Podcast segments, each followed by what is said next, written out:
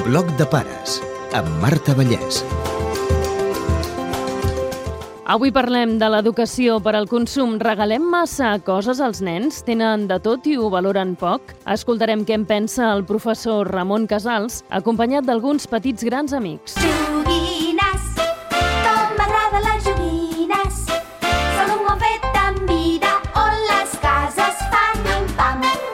aquella inundació del menjador ple de caixes llançades i de- d'allò, això és un missatge de consum responsable nefast per nens i per adults. Jo crec que hem de fer molta reflexió. La quantitat de coses que llancem inútilment. Comprar, comprar perquè quedi obsolet allà i no s'utilitzi és una mala educació de sostenibilitat. És absurd. Per tant, abans de comprar, pensem-ho.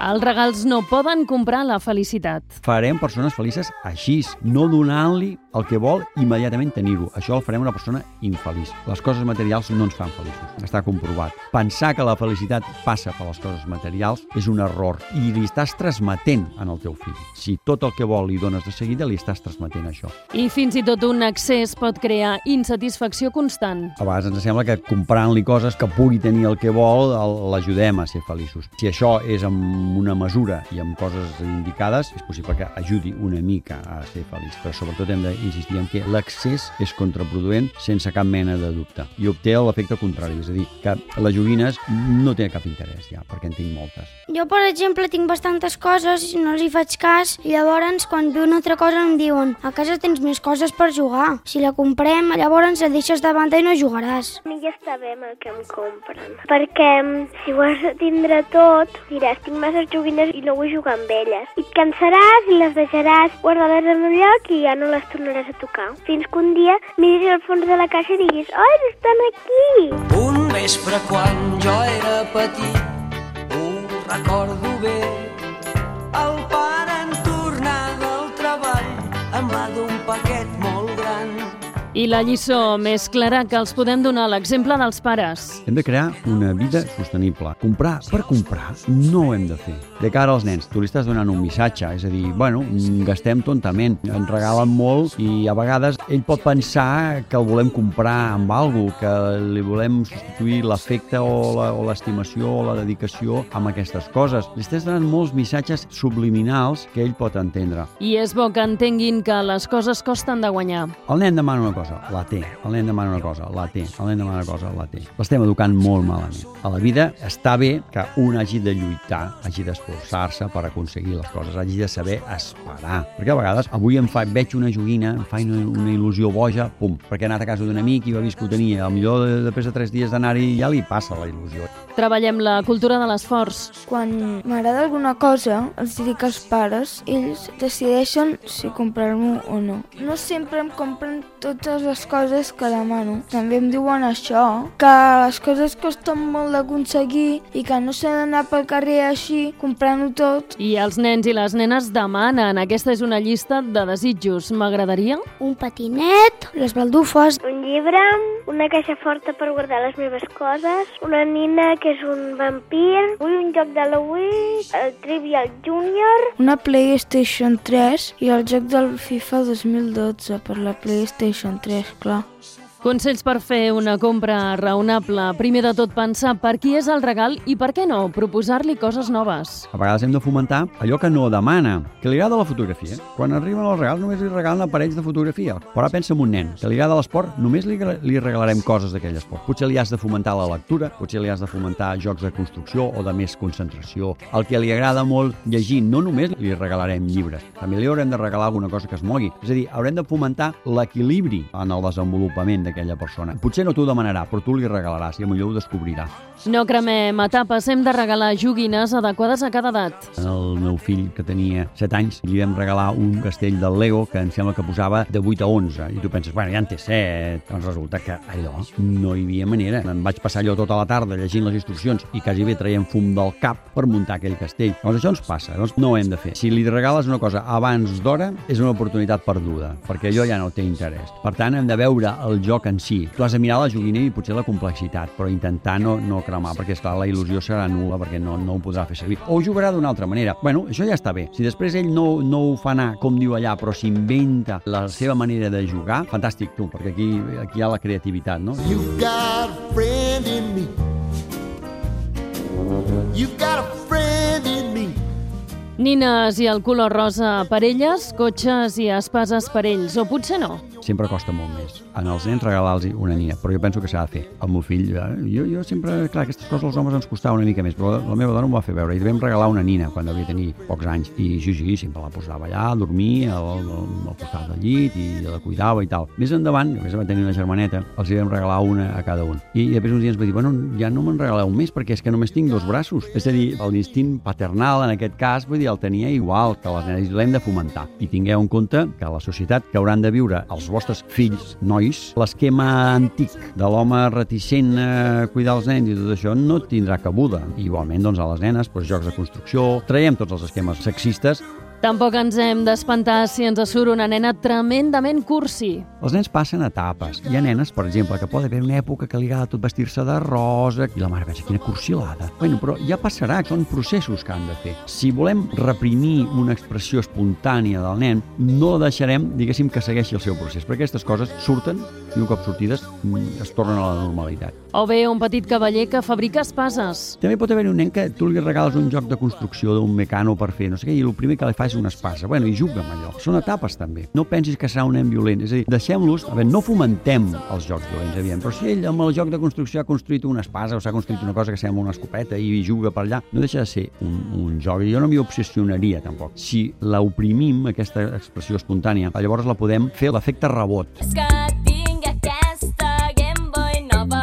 I amb les joguines de pantalla què fem? tenen un poder molt fort i, per tant, poden ser una mica addictius. Per tant, són coses que s'han de regular. Si dius, m'agrada anar a xutar la pilota a, la plaça. Bé, si està 4 hores, doncs que hi estigui 4 hores. Això és benvingut. Doncs clar, 4 hores amb la maquineta no hi pot estar. Hem de mirar quins jocs. Hi ha alguns que fomenten l'estratègia, la creativitat, l'orientació, moltes coses, i estan molt bé. Ara, en mesura, eh? Per molt bo que sigui el joc, sempre ha de ser en mesura, perquè d'entrada estàs fent un sedentarisme, forçant segurament la vista i posant-te nerviós, perquè, clar estàs amb molta tensió.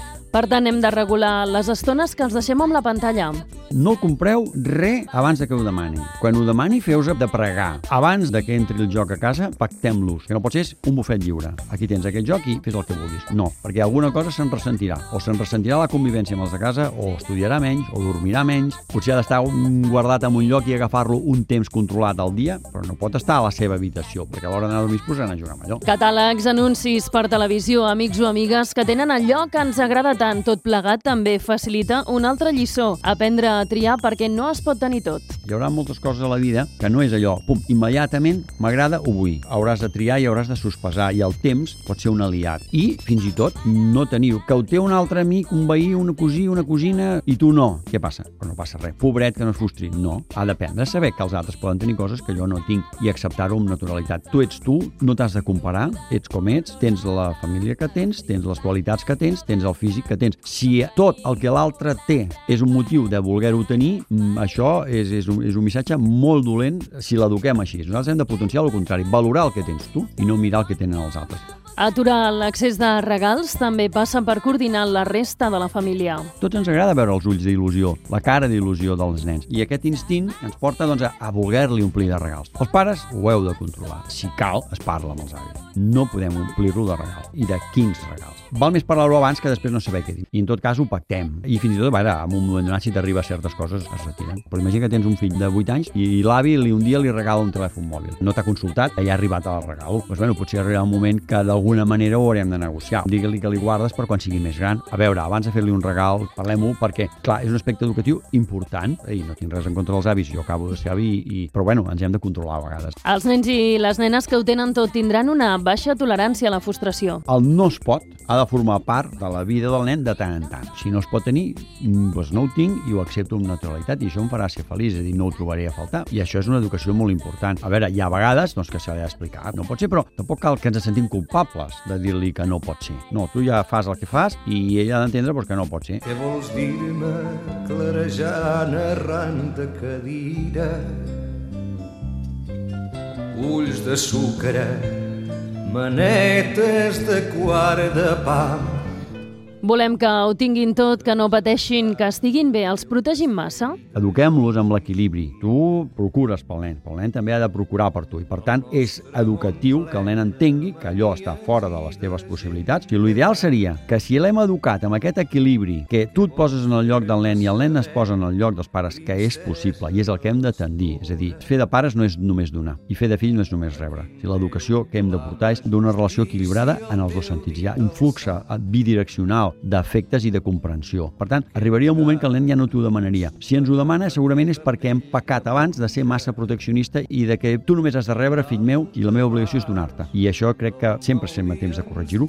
I després n'hi ha que creixen creient-se que tot cau del cel o de la butxaca dels pares. Jo estic tip de veure, hi ha estudiants grans, volen anar a fer un Erasmus a l'estranger i això li suposa un esforç molt fort en els seus pares. Però a aquest de 20 anys, quan arriba l'estiu, no se li acut de treballar per poder-s'ho pagar, ja m'ho pagaran els pares. Doncs bueno, aquí hi ha un desequilibri. I això, que si passa els 20 anys, és perquè ja venim d'abans d'una manera de, de tractar-lo, que jo et dono, et dono, et dono, el fill acaba fent l'obligació dels meus pares només és donar i jo de rebre. Un bon treball educatiu des de petits faran nens pacients i empàtics. Només demano quatre coses, perquè no necessito res més. El que sí que vull que em portin és la Draculaura. Les altres coses, si no me les porten, bueno, ho demanaré l'any que ve. Si fem una bona feina, aconseguirem educar en el consum i la compassió, fer-los pensar també en les persones que no en tenen tant. N'has tingut cinc, una la portarem a, a Càritas perquè li donaran a un nen. No pensem que donem a un que és menys que nosaltres, donem a un que és igual que nosaltres, com a dignitat i com a persona, però que casualment la vida l'ha tractat pitjor i té menys que nosaltres, igual que nosaltres podem tenir menys que els altres, però com a persones tots som iguals. No hi ha ningú més que tu ni ningú menys que tu, en quant a dignitat. La meva baldufa de guerra I em diuen que hi ha nens que no tenen res, que no sempre podem tenir tot el que volem i hi ha nens arreu del món que no poden ni menjar. Nosaltres som molt afortunats. Si vols saber més coses, Et recomanem la pàgina d'internet guiadeljuguete.com de l'Institut Tecnològic de la Joguina amb recomanacions per edats de les joguines que hi ha al mercat. També molta informació a joguinasegura.com, crecerjugando.org i ludomecum.com i llibres com Niños que quieren tenerlo todo, editat per Medici i Nacidos para comprar los nuevos consumidores infantiles, publicat per Paidós. També El no también ayuda a crecer de la esfera de los libros. El professor Ramon Casals també en parla al llibre 100 preguntes que ens fem els pares de proa. Hi ha un llibre també fantàstic, Padres brillantes, maestros fascinantes, que comença així. Els bons pares donen regals. Els pares brillants ofereixen la seva persona, les seves experiències, les seves llàgrimes, el seu temps. Comprem poc i ben seleccionat, ben pensat, que sigui un joc constructiu, que tingui moltes possibilitats, que no sigui només apretar un botó i mirar què fa, perquè això la tercera vegada que ho has vist ja ha perdut tot l'interès. Divertir, expressar, explorar, tot això és clau. Hi ha joguines que no serveixen per jugar, no serveixen per res, només per gastar diners i per estar allà fent nos amb un armari després. Doncs no les compreu, no les compreu. Penso que la felicitat passa per un equilibri afectiu i un coixí emocional, parlar, donar, rebre, saber posar els límits, implicar-se, m'importa realment. Tot això és el que ens fa ser feliços, que algú es preocupi de nosaltres, que siguem importants per algú. Això és el que realment hem de potenciar, per davant de les coses materials.